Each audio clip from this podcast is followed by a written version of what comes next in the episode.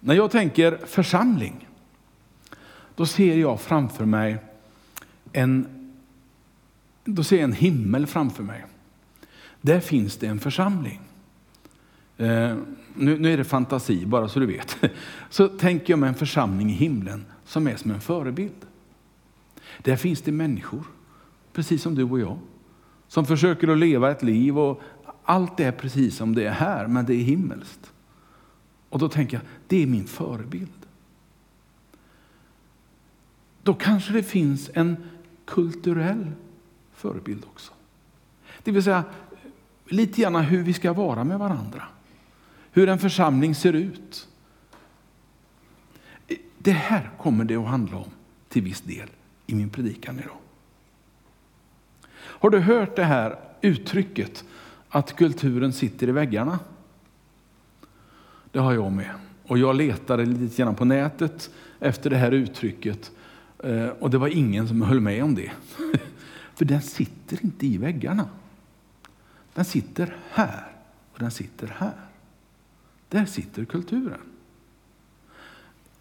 Det kan inte sitta i väggarna. finns det plank och spik och eh, lite eh, isolering. Nej, men jag förstår tanken när man säger det. Men jag vill också protestera. Därför att det skjuter liksom ansvaret ifrån mig själv. Och då blir det fel.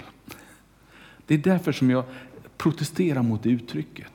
För en kultur, det är vad du och jag gör och är. Det är kulturen i församlingen. Så ansvaret kan aldrig sitta i väggarna. Det går inte. Den sitter i oss människor. Den skapas i oss människor och av människor. Låt mig få, få läsa dagens bibeltext. Apostlagärningarna. Du som har en vana att läsa Bibeln har nog kanske läst den här texten några gånger och jag vill gärna eh, trots det läsa den. Det är Apostlagärningarna 2 och 5 till och med 11. Och den kommer nog på väggen här också så att du kan följa med om du inte har din bibel i närheten.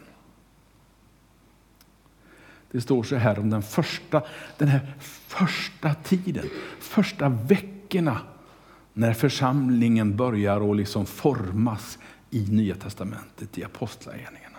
Då står det så här. I Jerusalem bodde fromma judiska män från alla folk under himlen. När dånet hördes så samlades folkskaran och alla var skakade eftersom var och en hörde sitt eget språk talas. Häpna och förundrade frågade de, är de inte galileer, alla de här som talar? Hur kan då var och en av oss höra sitt eget modersmål? Vi är parter, vi är meder och elamiter.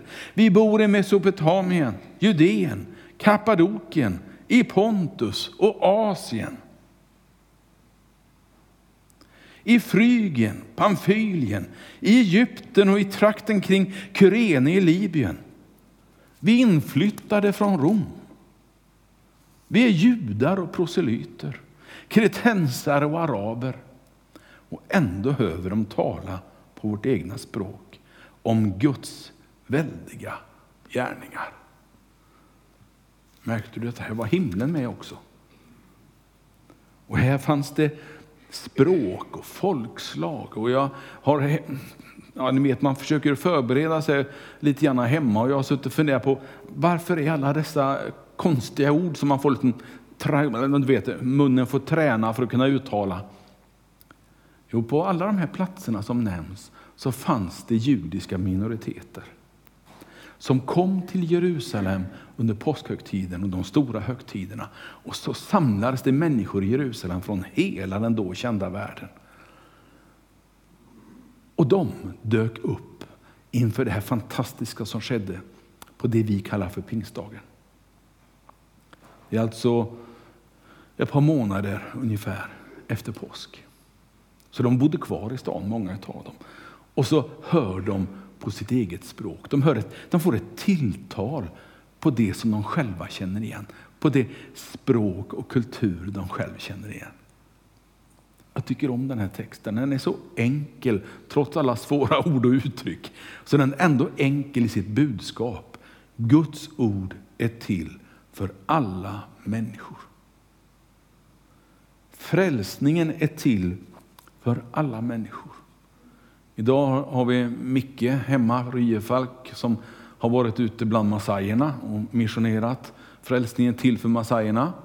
Ja, han nickar. Frälsningen till för dig. Frälsningen till för mig. Och det är en fantastisk gåva från Gud. Någon har sagt så här att Eh, kulturen i en församling är socialt överförda levnadsmönster. Socialt överförda mönster, det är kulturen. Alltså det där som vi för över till varandra. Det där sättet som vi, vi umgås på, det där sättet som vi talar på. Socialt överförda mönster. Och jag vill nog påstå lite grann att en kyrka, en församling är lite av experter på att överföra mönster. Alltså vi har så lätt att inte bara fastna i mönster som kan vara negativa. Vi har också lätt att, att bygga kring mönster som ofta är väldigt positiva, jag vill säga det. Men ändå, vi gillar mönster. Det är inte bara jag som gillar mönster eh, i mitt hem och i kyrkan. Jag tycker om när, det, när jag kan känna igen mig lite grann. Men jag kan också njuta av att få uppleva när Gud är med och vi gör någonting nytt tillsammans.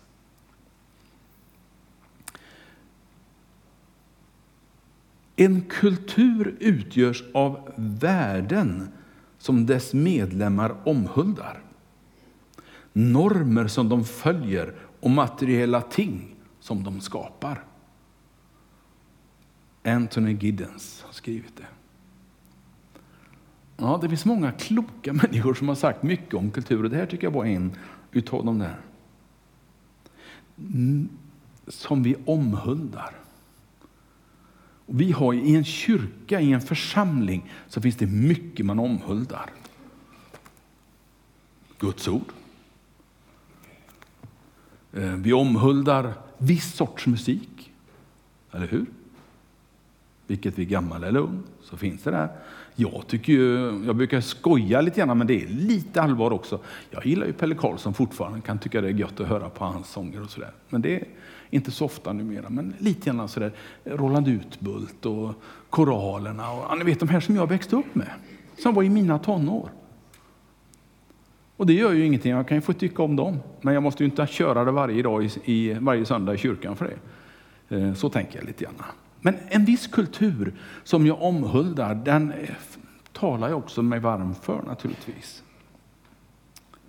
Det, en kultur är en församling, lite grann vad vi pratar om och hur vi pratar om det. För vi pratar ju väldigt mycket, eller hur? Eh, det är ju det vi älskar, vilket det är fika efter gudstjänsten, eller det är eh, barnverksamheten, eller Unite som är vår ungdomsverksamhet, eller om det är Alfa-verksamheten, vilken verksamhet det än är. Så vi producerar ju inte så mycket. Då när jag var tonåring så hade vi ju såna här små vita kulor, vet, flörtkulor. Det var inte för att vi gick och flörtade med folk, utan vi gjorde ju grejer med de här. Eh, och någon gång så tröttnade vi på det och köpte in en gammal B18-motor som vi plockade isär och satte ihop med en experts eh, goda liksom, eh, uppmuntran och råd. Och det var liksom en barnverksamhet och ungdomsverksamhet för oss. Men det är mycket som händer på det sättet när vi pratar och hur vi pratar.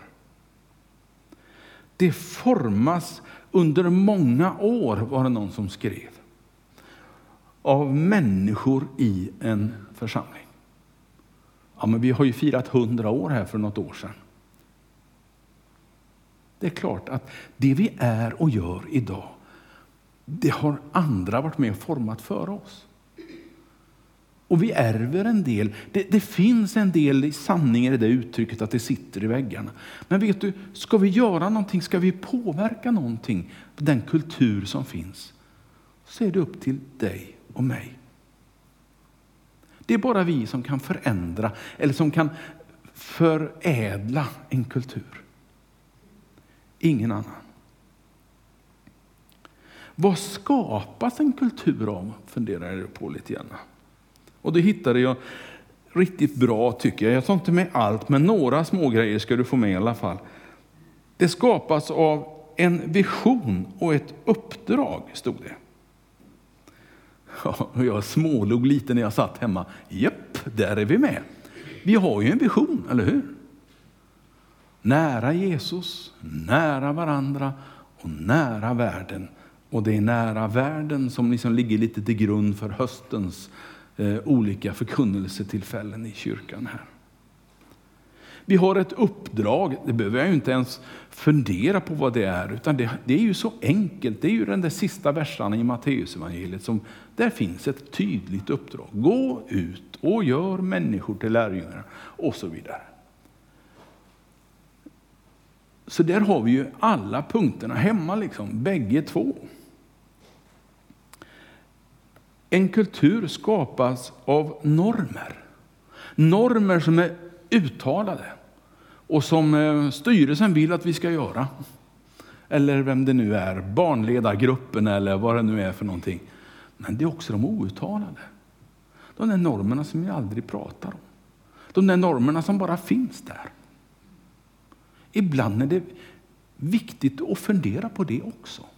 Vad är det för normer som finns som ingen har sagt någonting om, men som kanske inte är så där jättebra? Värderingar är en annan viktig ingrediens i hur man skapar kultur. Symboler. Ja, nu har vi fått tillbaka det. Korset i bakgrunden. Det är en viktig symbol för alla kristna. Det sitter på väggen utanför, belyst dygnet runt och det finns även på målat på väggen bakom. Det är en viktig symbol för kyrka och församling. Det finns säkert fler symboler på det sättet som man kan fundera på, som ingår i vår kultur. Det vi vill tala om, berätta om, det vi är, det som betyder mycket för oss. Men också vanor. Och då finns det bibliska vanor. Ja, visst, det är ju att läsa. Det uppmuntrar ju Bibeln. Läs Guds ord, ta del av det och så vidare. och så vidare, eller hur? Det är en del av vår kultur.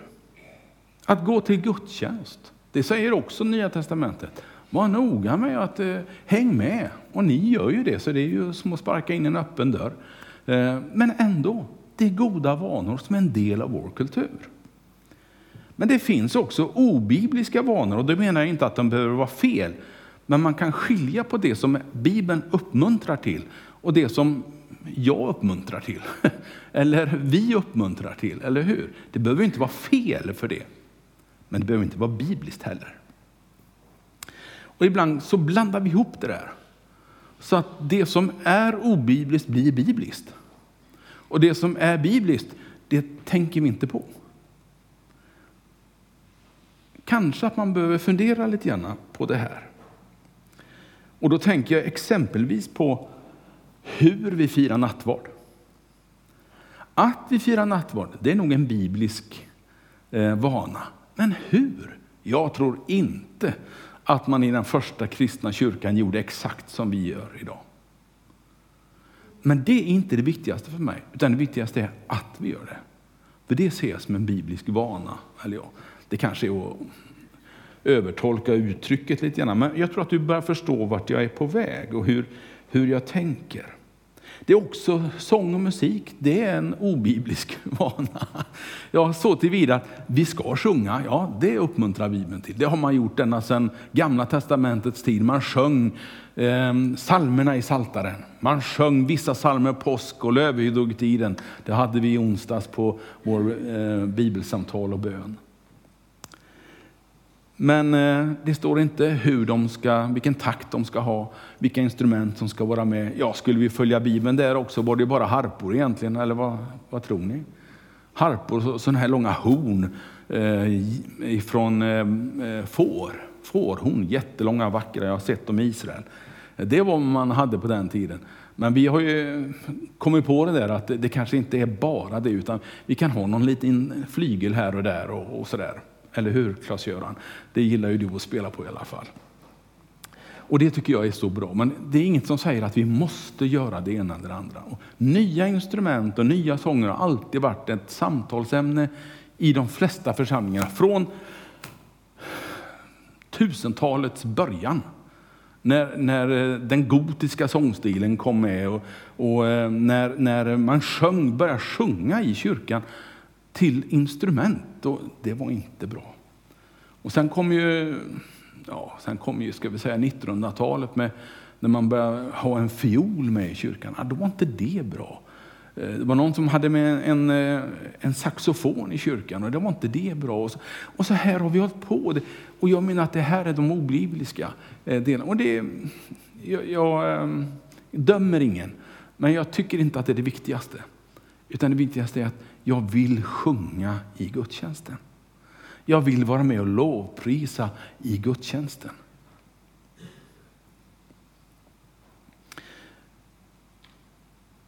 Den sista av de här, hur man skapar en kultur och vad kulturen skapas av, det är egentligen orden.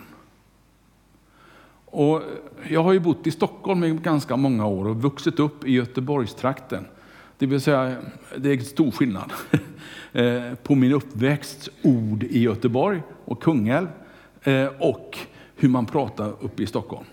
Eh, det är inte enkelt alla gånger. Och det blir inte enkelt när man kommer till Skåne heller, eller Norrland eller var man nu kommer någonstans. Vi använder lite olika ord och det är ju helt okej, okay, eller hur? Ibland får man lära sig de här nya orden. Lära sig vad mås heter på öckeröiska. Eh, det är inte så enkelt alla gånger. För det har ingenting med mås att göra, utan det är någonting helt annat. Det kan ni få klura på. Eh, men jag menar också hur jag säger orden. Inte bara vilka ord jag använder, utan lite grann hur uttrycker jag, vilken tonläge har jag? Det är mycket sånt som finns i en kyrka och en församling, där vi använder så mycket ord. Inte bara från talarstolen, utan också vid fikaborden. Och ibland behöver vi påminna varandra att fundera på vad är det jag pratar om. Vad är det jag för vidare till andra människor? Vad är det för kultur som jag bygger under och liksom stöttar? Ja, om jag kunde bli ännu tydligare skulle jag det, men jag vill absolut inte använda för mycket tid till negativa saker, men ibland tycker jag att det förekommer övertramp. Och vet du vad? Kanske att vi skulle bli lite modigare. När någon uttrycker sig felaktigt, så våga säga det. Eller våga gå därifrån. Det här ställer jag inte upp på. Ursäkta, men jag, jag behöver göra någonting annat. Man måste inte slå näven i bordet och säga att du inte är klok, så här får du inte säga. Det är inte det jag menar. Men man måste inte stå kvar och liksom uppmuntra till det fortsatta samtalet om ämnet inte stämmer, om uttrycken inte stämmer. Utan ibland kan man helt enkelt bara välja att försiktigt dra sig därifrån. Och ibland kanske man till och med ska säga att du, det här håller jag inte med om. Det här stämmer inte med hur jag vill uttrycka mig och hur jag tycker att... Så ursäkta, men eh, jag har en annan åsikt. Jag vet att det kanske kan skapa någonting som inte eh, stämningen kanske inte blir så bra en stund. Men i det långa loppet så tror jag att det är bra. Om man hittar de här vägarna, de här uttrycken och de här sakerna som jag inte ställer upp på. Och andra gånger så är det kanske ett amen, ett halleluja, när man hör någon som säger någonting. Eh, så att, och då kan man ju säga det också. Det där var bra uttryckt. Tack, det där, det där sa du bra. Nåväl, det här med människor från olika kulturer. Då. För det, det ena kulturuttrycket, eh, det är ju det jag har nyss har talat om. Men sen finns det det här att vi kommer från olika kulturer. Vi kan komma ifrån olika delar av vår värld, precis som eh, texten talar om. Och har med oss olika kulturer på det sättet. Och då kan man ta det i lite större sammanhang eh, och se att eh, det, det kan vi vara helt olika sätt att, att köra bil på. Har ni sett hur det ser ut i vissa indiska städer när de kör bil? Alltså, jag vet inte ens om jag skulle våga sätta ut foten i den gatan. För jag fattar inte hur de klarar det. Att byta filer och köra och liksom inte krocka allt för mycket. I alla fall, jag ser ju att bilarna är lite buckliga. Men, men det verkar som att de flesta överlever i alla fall. Eh, och det är ju inte riktigt så vi tänker oss här, där, vi kör, måste köra rätt sida i rondellen och blinka hit och blinka dit. Och du vet, en helt annan kultur i trafiken. Eh, och det är en helt annan kultur när man möter människor. Så reser du i vår värld så möter du många olika typer av kulturer. Och jag menar att det är en fördel när jag ser på Bibelns sätt att se på kulturer, när det blandas i en församling. Vi får en massa utav människor som kommer ifrån andra kulturer. Och då tänker jag inte på Göteborg och Stockholm, utan då tänker jag lite vidare perspektiv. Bara Europa, ja bara världsdelarna. Det är så häftigt när vi börjar samtala om sådana här saker, för då helt plötsligt så kanske en del saker blir mindre viktiga som har varit viktiga förut. Och andra saker blir ännu viktigare än vad som har varit förut.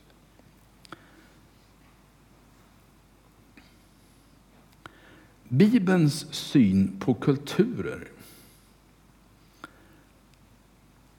Som jag sa, så de här olika platserna som nämns i Apostlagärningarna tyder ju på att i den första församlingen så var det inte bara eh, människor födda i Israel. Människor med en judisk kultur. Ja, eh, lite sådär får man väl kanske, det står om proselyter och, och judar, och, alltså människor som, som eh, hade kommit in i den judiska tron men inte var födda Eh, i Israel. Inte var födda med judiska föräldrar, utan som hade anammat den judiska tron, det gamla testamentet. Det, det fanns en, höll jag på att säga, en salig blandning.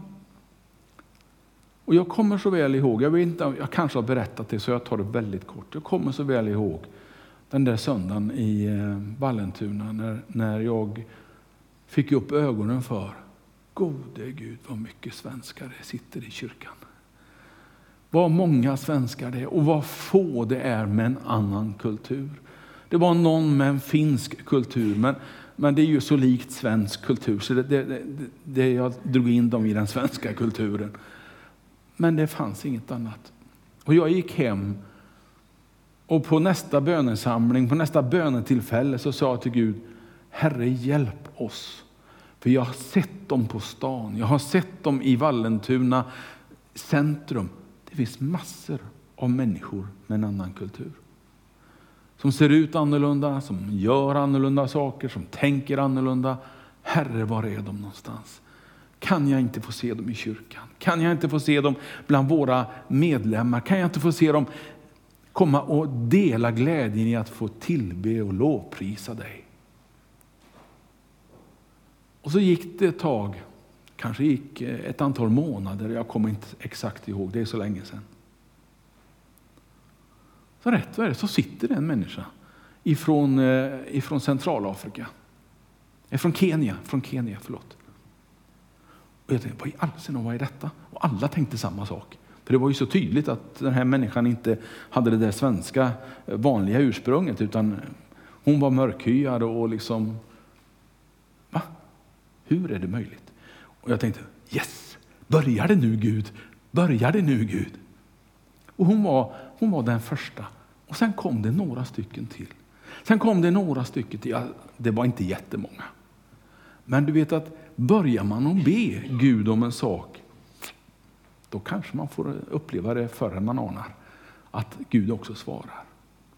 Och Jag tycker det är en förmån att få ha människor från helt andra kulturer och helt andra sätt att tänka, helt andra sätt att uttrycka sig än vad vi brukar göra. Galaterbrevet 3 och 28 skulle jag vilja slå upp. Jag tror det finns en bild på det också. Jajamensan, tack. Jag blev osäker om jag hade gjort det eller inte. Men det är tur att Camilla är vaken. Galaterbrevet 3 och 28, jag ska bara slå upp det själv också. Där står det ju så här. Här är inte jude eller grek, slav eller fri, man eller kvinna. Alla är ni ett i Kristus. Det går att rycka ur bibelställen så här versar och det blir lite tokigt. Men jag tror att det här är precis vad bibelversen talar om. Att när vi möts som församling så är det inte det viktigaste om vi är rik eller fattig, slav eller fri som det står här. Eller om vi är eh, med i de som bestämmer eller de som inte bestämmer. Om det är man eller kvinna, det är inte heller det viktigaste. Det viktigaste är inte vårt ursprung, utan det viktigaste är vår tro. Alla är ni ett, inte i Djurgårdens IF, inte i Blåvitt, utan i Kristus. Det är det viktigaste. Att få vara ett i Kristus. Hur kan vi främja goda kulturer till sist? Man kan inte beordra eller besluta om en viss kultur. Man kan försöka, men det är ingen som har lyckats. Så varför ens försöka? Det hjälper inte om styrelsen fattar ett nog så välgrundat och välformulerat och välskrivet beslut. Det är inte styrelsen som är kulturen. Utan det måste ju komma tillsammans med oss alla som är på gudstjänsten om vi förändrar gudstjänstkulturen. Nya kulturer, tycker jag, tror jag, kräver nya människor. Alltså ett inflöde av nya människor. Eller förnyade människor. Och nu är jag hemma i min bibel, nu är jag hemma i min teologi. Det står och talas om att födas på nytt. Förnyade människor. Samma Bengt Richter, men ändå förnyad i Jesus Kristus. Då, om många sådana möts, då kan det bli en förändrad kultur. Jag säger inte med den här predikan att kulturen här eller där eller någonstans är dålig eller felaktig. Jag hoppas du förstår det.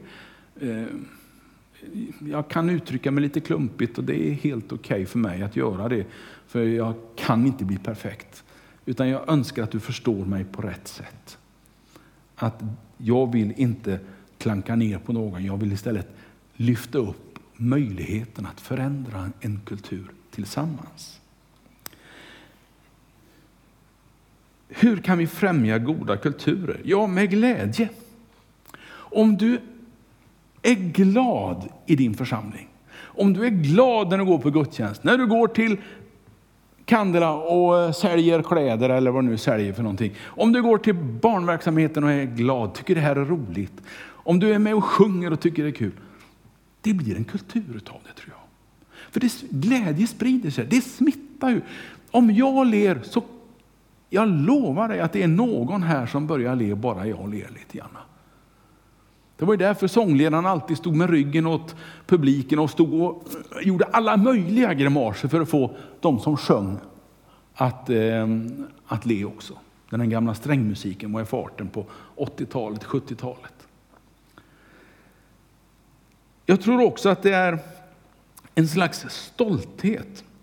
Jag använde det uttrycket en gång och fick lite banna för det. Eh, för jag skulle inte vara stolt, sa den här teologen. Eh, och vännen till mig. Men jag trotsar det lite grann.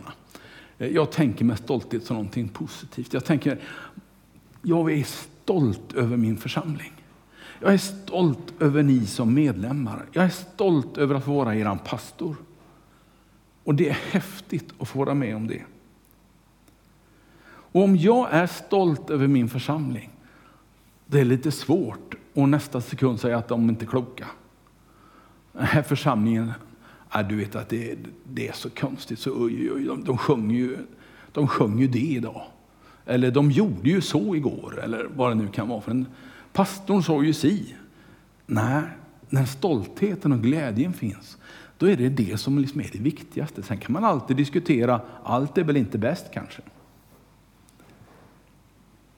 Har du ett engagemang i din församling så främjar du en god kultur. Alltså om engagemanget, glädjen och stoltheten finns där, då tror jag att kulturen blir bra. I alla fall bättre. Jag tror också att det är viktigt med, som jag sa förut, visionen, uppdraget, värderingarna, vanorna och att vi vakar lite över det vi säger, även härifrån. Och där finns det då en styrelse, vi kallar dem ibland för äldste, eh, som faktiskt eh, vakar över det vi förkunnar. Och vi som förkunnar sitter som pastorer, Maria och Caroline och jag, vi pratar ibland om vad vi förkunnar Eh, och hur vi ska förkunna. Och så där. Och det, det är en viktig del, så inte någon far iväg. För när det gör det, då kan det gå riktigt illa. Det har vi exempel på också. Ja, så kulturen, det är alltså vad vi gör och säger tillsammans. Om vi är tillsammans. Och tycker du att du vill ändra på någonting, då måste du få människor med dig. Då måste du få människor som tycker som du och så får vi tillsammans prata om det. För du kan inte bestämma själv och inte jag heller. Men vi kan vara med och påverka genom att förnyas inifrån. Och ju fler förnyade människor, ju mer förnyas också kulturen. Och det blir bara bättre hela tiden. Tack älskade Herre. Att jag får eh, knäppa mina händer och eh, be om välsignelse över oss som är på gudstjänst idag. Om vi sitter här i kyrkan eller om vi är hemma, Herre, så ber jag om din välsignelse. Att vi eh, får vara med och bygga en kultur, bygga en atmosfär, eller vilket ord vi nu använder, som är himlen värdigt. Som liksom följer den där mallen som jag kan ana finns i himlen och i Bibeln. Herre, hjälp mig att förstå vad du vill att vi ska göra i denna tid. Herre, vi, vi har fått tillbaka gudstjänstlivet. Vi har fått tillbaka så mycket som pandemin hade liksom tagit ifrån oss. Herre, hjälp oss nu att göra det här på ett bra sätt. Hjälp oss nu att, att kunna mötas igen frimodigt och med glädje, stolthet och engagemang. Tack älskade Far i himmelen. Du välsignar vår stund tillsammans. Du välsignar när vi så småningom ska bryta brödet och ta del av kalken tillsammans. Amen.